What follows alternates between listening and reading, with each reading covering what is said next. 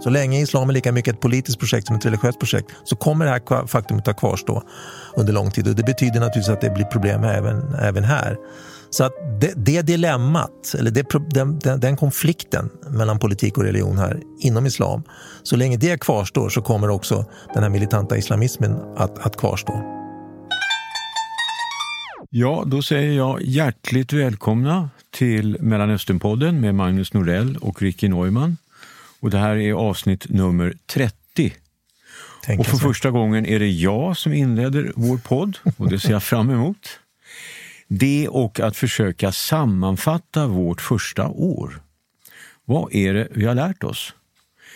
Efter 30 avsnitt om Mellanöstern och Mellanöstern i Sverige som var en underavdelning. Och om vi börjar där, just de avsnitten fick mig att inse hur mycket från denna region som idag finns i Sverige. Människor, traditioner, värderingar och erfarenheter. Och det senare får mig att tänka på hur Georg Klein brukade kalla oss svenskar för fredsskadade, till skillnad från de flesta av världens folk. Idag skulle han inte göra det. Han skulle istället framhålla att en väsentlig del av befolkningen har de facto upplevt krig, är krigsskadade. Så det var en lärdom från Mellanösternpodden i Sverige.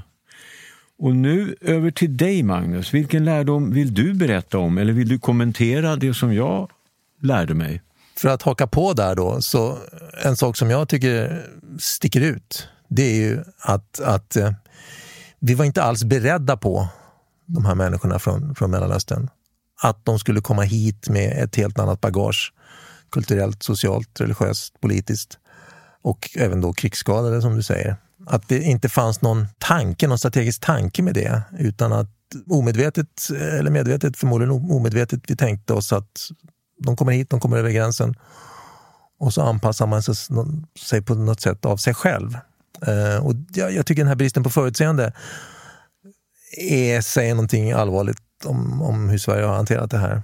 Att, att men, men vad är det du säger? Vi har inte haft en fungerande integrationspolitik. Nej, det har vi ju inte haft på väldigt länge, eh, trots stora resurser som har lagts ner på det. Så det är ju naturligtvis en sak och, och, och, det krävs ju inte väldigt mycket för att inse att, att människor som kommer från Mellanöstern, där som sagt många har faktiskt traumatiserats genom krig och konflikter och, och har en helt annan kulturell, social och politisk bakgrund, är inte som oss. Eh, det är ingen värdering i det, utan det är bara en konstaterande faktum att, och att, att man kommer från länder som är så totalt annorlunda än Sverige, så måste det ju bli slitningar. Eh, det, det, det krävs inte jättemycket för att se det, men ändå fanns det ju inte någon form av det fanns ju ingen strategisk plan för det här. Eh, när Men om man då backar, Magnus, i historien och tittar på till exempel den jugoslaviska arbetskraftsinvandringen som kom till Sverige under 60 70-talet. Mm. Varför har det gått så bra för den gruppen? Vad är den stora skillnaden, skulle du säga? Den stora skillnaden är naturligtvis att när de kom hit och klev av bussen så hade de arbete. Eh, det fanns ett, de hade ett jobb direkt. Företagen såg till att de hade någonstans att bo också. Uh, och de fick en, en liten summa pengar från Invandrarverket, hette det väl då. Uh, och sen fick de i princip klara sig själva. Och det gick ju i princip, det gick i, i, ja, i de allra flesta fall mycket bra. Och jag skulle säga att, att det är den ena skillnaden. Den andra skillnaden är naturligtvis att det rörde sig inte alls om lika många människor på kort tid. Det är naturligtvis också en väldigt viktig skillnad. Uh, men det ledde ju också till att integrationen blev organisk. Alltså det blev en naturlig naturlig så att säga, förändring av det svenska samhället där de här människorna gled in i, Sverige. På sikt började importera sin egen mat, på sikt byggde upp eh, företag som, som tog hand om, eller affärsverksamhet som tog hand om deras så att säga, materiella och eh, kulinariska behov. Eh, och då fungerar det. Men, men just det faktum att det var inte fler personer än, än som kunde få arbete, eh, är ju viktigt. Och, och, det var ju också så man lärde sig svenska, på arbetsplatsen med svenska arbetskamrater. Så det är naturligtvis en viktig skillnad. Och dessutom, säga... dessutom, mycket viktigt, dessutom kommer från Europa. Det låg närmare, även, här, även om det, det naturligtvis är stor skillnad på Sverige och Jugoslavien, så var det ändå Europa. Det, och det är skillnad mm. att komma från Mellanöstern, Nordafrika, att komma från Europa. Okej, okay, vi, vi går vidare och nu tänker jag kring vad har jag lärt mig av alla de som har berättat för mig om Mellanöstern? Att allt inte är kolonialismens fel, men en hel del. Att de flesta problem i regionen är äldre än så. Att allt fler länder är så kallade failed states, förlorade, eller på väg att bli, som Libyen och Libanon. Att vi i väst inte ska blanda oss, det blir bara sämre då, som i Irak. Och vi ska helst hålla oss utanför och bara stötta de progressiva krafterna i regionen, brukar du Magnus säga. Och det låter ju bra fram till att jag tänker på hur få människor vi talar om. Enstaka modiga aktivister som är ständigt attackerade i till exempel Egypten och Saudiarabien. Varav en del till slut inte orkar längre och ger upp. Kanske för att de känner hopplöshet, kanske för att de inte längre vill utsätta sig själva och sin familj och emigrerar. Och när jag tänker på det så blir jag nedstämd. Så hjälp mig upp ur detta, Magnus. Var finns ljuset? Vad ska jag hoppas på? Alltså, eh, jag, jag, tror ju fortfarande då, jag vidhåller ju det, att, att eh, de här progressiva, reformistiska individerna, krafterna, det är fortfarande där hoppet ligger, skulle jag säga, både politiskt och religiöst. För förändringarna måste komma inifrån, det, det tror jag. Eh, du nämner här att när, när väst har, eller ja, och andra, jag menar väst, Sovjet eller vad du vill, andra har lagt sig i så har det sällan blivit bättre. Men så förändringarna till det positiva måste komma inifrån. Jag tror fortfarande att det är där hoppet ligger. Men kan du ge oss exempel på hur progressiva krafter har på ett avgörande sätt förändrat situationen i ett arabiskt land? Ja, de exemplen är ju inte jättemånga, men det finns ju några. Och, och, de, och det här har vi talat om tidigare, men de två länder jag skulle framhålla då, det är ju Marocko och Tunisien. Och intressant nog då så ligger de båda inte i Mellanöstern utan i Nordafrika. Det hör till MENA-området, Middle East North Africa. Men det är ju då så att de inte tillhör det arabiska Mellanöstern på samma sätt som andra länder. Och det finns naturligtvis, eh, det, det, det, det, är, det är ett skäl till att det har gått så pass jämförelsevis bra där. För där har man kunnat bygga upp strukturer. Och återigen använda ordet organiskt här, organiskt förändrat ett samhälle eh, som har influenser utifrån och där man har lyckats hantera det här på ett, på, på ett positivt sätt. Går det De... till och med att säga att det faktum att båda de här länderna har varit koloniserade utav Frankrike kanske också, förutom andra saker, haft en positiv betydelse? Ja, det tror jag. Eh, ja, det tror jag faktiskt. Och båda länderna, när de frigjorde sig från den franska kolonialismen så gjorde de ju det återigen jämförelsevis till exempel med Algeriet och en del andra länder, förhållandevis oblodiga revolutioner. Jag menar, Marocko förhandlade sig i princip till sin självständighet eh, och likaså Tunisien. Det var inte alls det algeriska inbördeskriget till exempel, eh, som ju är det, det skräckexemplet här.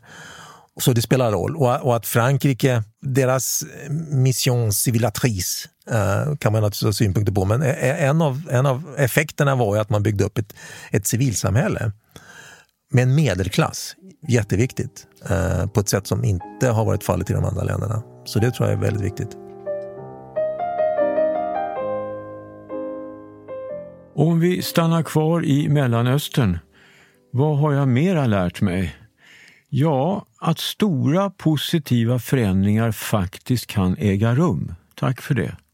Som till exempel The Abraham Accords från förra året som normaliserade relationen mellan Israel å ena sidan och Bahrain och Förenade Arabemiraten och den andra plus Marocko och Sudan. Som bland annat har lett till handel, säkerhetssamarbete och turism och cirka 200 000 israeler har redan hunnit besöka emiraten och som enligt flera bedömare kan få andra arabländer att framöver ansluta sig. Så det, det här, The Abraham Accords kan ses som ett mycket positivt paradigmskifte. Mm. Så Magnus, om du skulle lyfta fram en annan positiv händelse, något som kan ge oss hopp om en ljusare framtid för den här regionen, vad skulle du välja?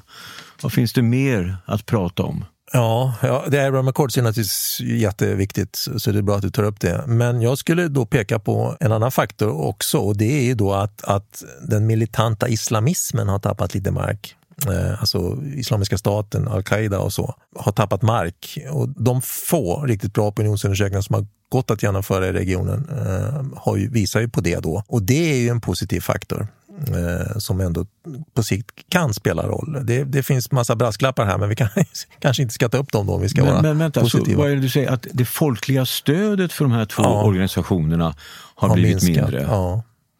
Det har och, det gjort. och hur skulle man förklara det? Varför har den utvecklingen skett? Ja, det tror jag beror på att, ja, det är väl flera faktorer, men, men framförallt att, att de har ju fört med sig krig och konflikter och inbördeskrig i väldigt hög grad. Och det är klart att det är ju inget bra sätt att marknadsföra sig själv nödvändigtvis.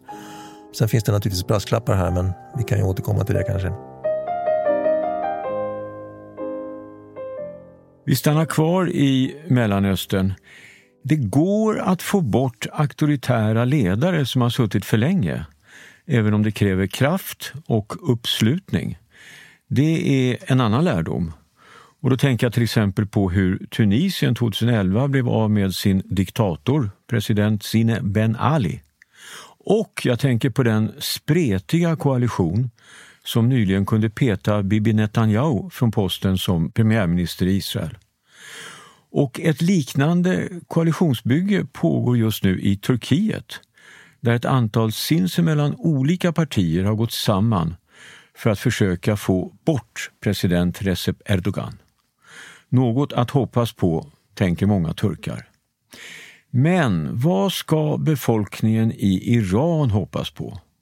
Finns där några tecken som tyder på att ayatollornas tid vid makten snart är förbi? En av våra gäster i podden menade att ett regimskifte i Teheran tyvärr bara kan ske med hjälp av våld utifrån. Vad säger du Magnus, har han rätt? Ja, jo det tror jag. I alla fall som det ser ut nu så tror jag tyvärr att han har rätt. Eh, jag tror att, eh, att eh, nuvarande regimen sitter ganska tryggt eh, på tronen som det är nu. Och det är flera faktorer. Dels att det, det man släpp, det, det, det, får pysa lite grann. Man har någon form av, av, val, även om de inte är demokratiska och även om, även om de som får ställa upp går igenom en, en, en screeningprocess som tar bort de riktigt intressanta och reformärta krafterna, så finns det ändå ställen där det kan pysa ut. Tillräckligt mycket för att det inte ska bli någon revolution, så att säga. Så hittills har ju ayatollorna lyckats hålla den här balansen. Men det som, det som skulle kunna peka på att saker och ting ändrar sig är ju det att institutionerna inne i Iran blir allt mer uppluckrade. Alltså det finns ett stort missnöje med, med den nuvarande regimen. Eh, det finns stort... Vilka institutioner tänker du på? Ja, jag tänker på, på alla möjliga institutioner. Rättssystemet, eh, på, alltså, inklusive de polisiära systemen, mm. välfärdssystemen, universiteten blir trängre och trängre och det är fortfarande så faktiskt att vi lever i en värld som är sammankopplad, är uppkopplad med varandra. Även om det är tuffare om man bor i ett land som Iran så går det att se vad som händer runt om. Inte bara i regionen utan, utan i världen och det spelar roll även där. Iranska oppositionsgrupper utanför Iran är väldigt aktiva och har liksom starka kontakter med Iran inuti. Det, kanske inte, och det, det räcker kanske inte för att, så att säga, störta regimen just nu men det räcker förmodligen en bit när det gäller att luckra upp systemet inifrån. Uh, och det, det i sig kan ju leda till förändringar. Men samtidigt är det ju så, vilket påpekades i en av våra poddar, att det finns ingen organiserad opposition i Iran. Det finns enstaka individer ja. och det finns ibland demonstrationer och mm. massmöten av olika slag. Men det finns ingen samlad organiserad opposition. Nej, Fast det, det, det, det stämmer, det, det, håller jag med om. Eller den är i alla fall väldigt, väldigt svag. Å andra sidan, det faktum att det inte gör det gör också att det blir svårare för regimen att hantera missnöje. Mm. Och det faktum att motståndet är spritt så att det finns överallt, det poppar upp överallt, gör också att, att det, det, det, kan sprida sig på ett sätt som hade varit svårare om det hade varit organiserat faktiskt. Och det var det jag menar med att, att ett, ett system som är under uppluckring, är också ett svagare system därför att det, det, det är svårt att hantera. Vilk, var, var någonstans ska jag slå till? Och hur mycket ska jag tillåta om man nu resonerar från regimens sida? Och det i sig tror jag kan, kan, kan medföra förändringar. Men Visst, inget av det räcker för att idag se tecken på att regimen skulle falla. Mm. Men det finns de som pratar om uppluckring och upplösning och inre mm. sammanbrott och då tänker på Sovjetunionen. Tycker du ja. att det finns någon parallell mellan dagens Iran och dåtidens Sovjetunionen? Ja, det kanske det gör, men jag tror inte det. Alltså, det är helt olika, olika samhällen. Och, eh, alltså, jämfört med Sovjetunionen så, så har Iran ändå andra institutioner som, som, gör, som gör det möjligt att det får pysa som man sa tidigare och det tror jag är viktigt. Mm. Så att nej, det, jag ser inga direkta paralleller däremellan. Sen finns det ju de som tycker att det faktum att ayatollorna har en sån hård fungerande kontroll över landet mm. har att göra med att man kom till makten med hjälp av en revolution. Mm. Att det finns ett samband på något sätt mellan den där kontrollen och hur man ursprungligen tog över. Ja, Ja, där finns det kanske möjligen då en parallell, därför att just den, här, den, den politiska retoriken från regimens sida, att man ska försvara revolutionen, den 40 år senare så håller man ju fortfarande på att använda den, det, de uttrycken. Så visst, det tror jag absolut. Vi håller oss kvar i Mellanöstern och eh, konstaterar att det är lätt att bli lurad. Det är lätt att börja önsketänka. Så lyder en annan läxa. Vi i väst ville till exempel gärna att Ryssland skulle bli mera som oss. Men så blev det inte. Och vi vill gärna att också Mellanöstern blir mera som Europa. Och då tänker jag till exempel på hur vi kraftfullt applåderade Saudiarabiens beslut att äntligen låta kvinnor få köra bil. Och vi såg det som ett steg framåt mot ett mer jämlikt samhälle när det i själva verket mest av allt handlade om ett praktiskt beslut. Att kvinnorna på så vis skulle kunna ersätta tiotusentals gästarbetare som landet ville bli av med.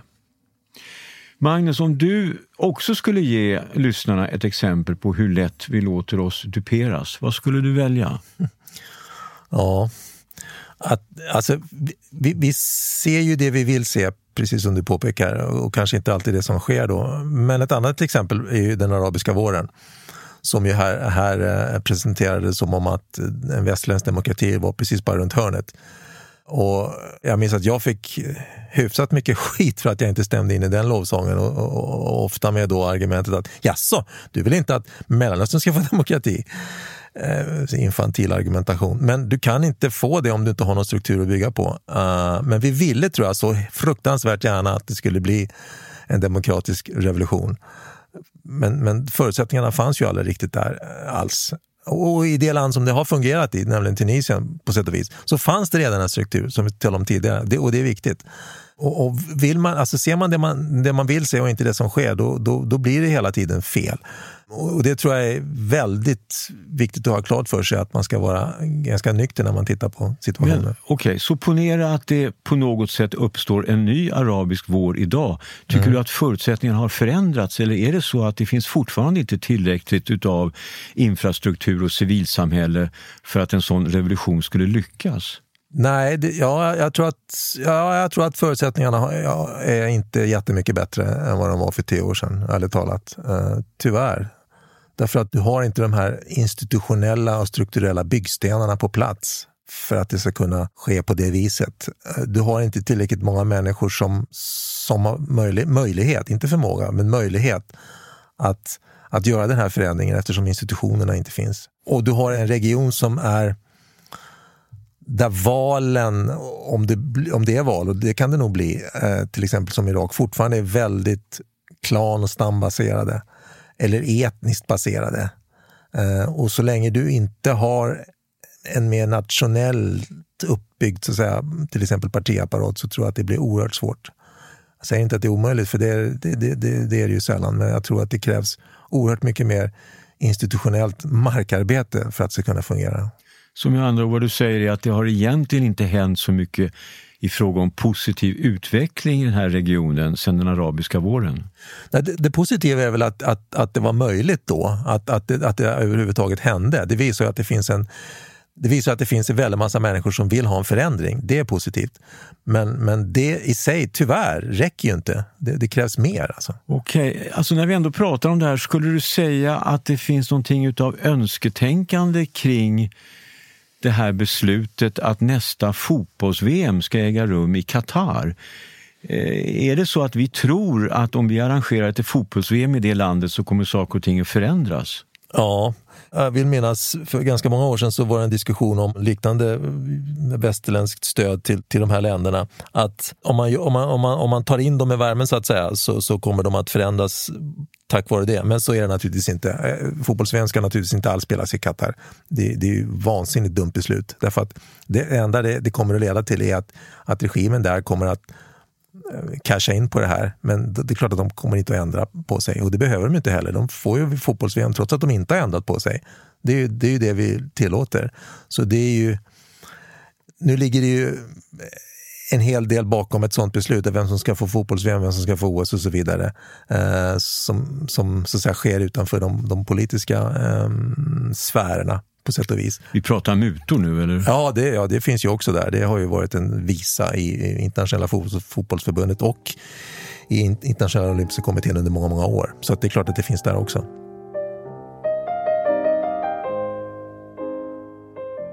Om vi nu backar in och eh, närmar oss Sverige och tittar på vad har vi lärt oss om Sveriges agerande i Mellanöstern.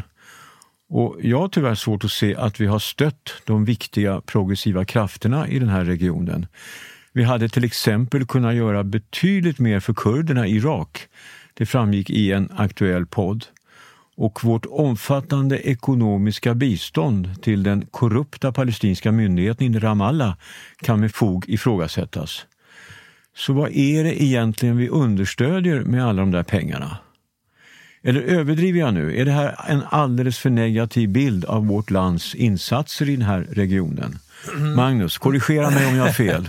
Nej, men du har inte fel. Du har rätt, Ricky. Jag, jag tror att det är en väldigt realistisk beskrivning. Uh, och i synnerhet uh, vårt bistånd här är ju ett, det är ett, det är ett, väldigt bra exempel på hur the road to hell is paid with good intentions. Och i praktiken har vi un, understött uh, en politisk elit och en omfattande korruption. Eh, och, och, även där har resonemanget varit att att det är bättre att vi gör det här, eh, för då kan det på, på, så att säga, på sikt förändras och det ser vi kanske inga tecken på. Det betyder inte att inte en del av biståndet har gått till bra grejer, det är inte det jag säger, absolut inte. Men det betyder att strukturellt har inte mycket förändrats när det gäller det här och vi har, vi har i praktiken understött ett väldigt korrumperat system när det gäller det här. Men är det inte märkligt att det knappast finns någon diskussion i Sverige om hur vi ska, vi ska fortsätta med det biståndet? Jo, det är det. det, är det.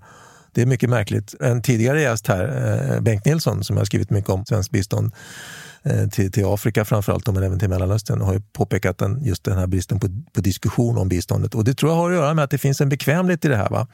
Vi känner oss goda när vi eh, pyntar in pengar till, till, till olika länder eh, och, och, säger att nu, nu hjälper vi er på olika sätt här.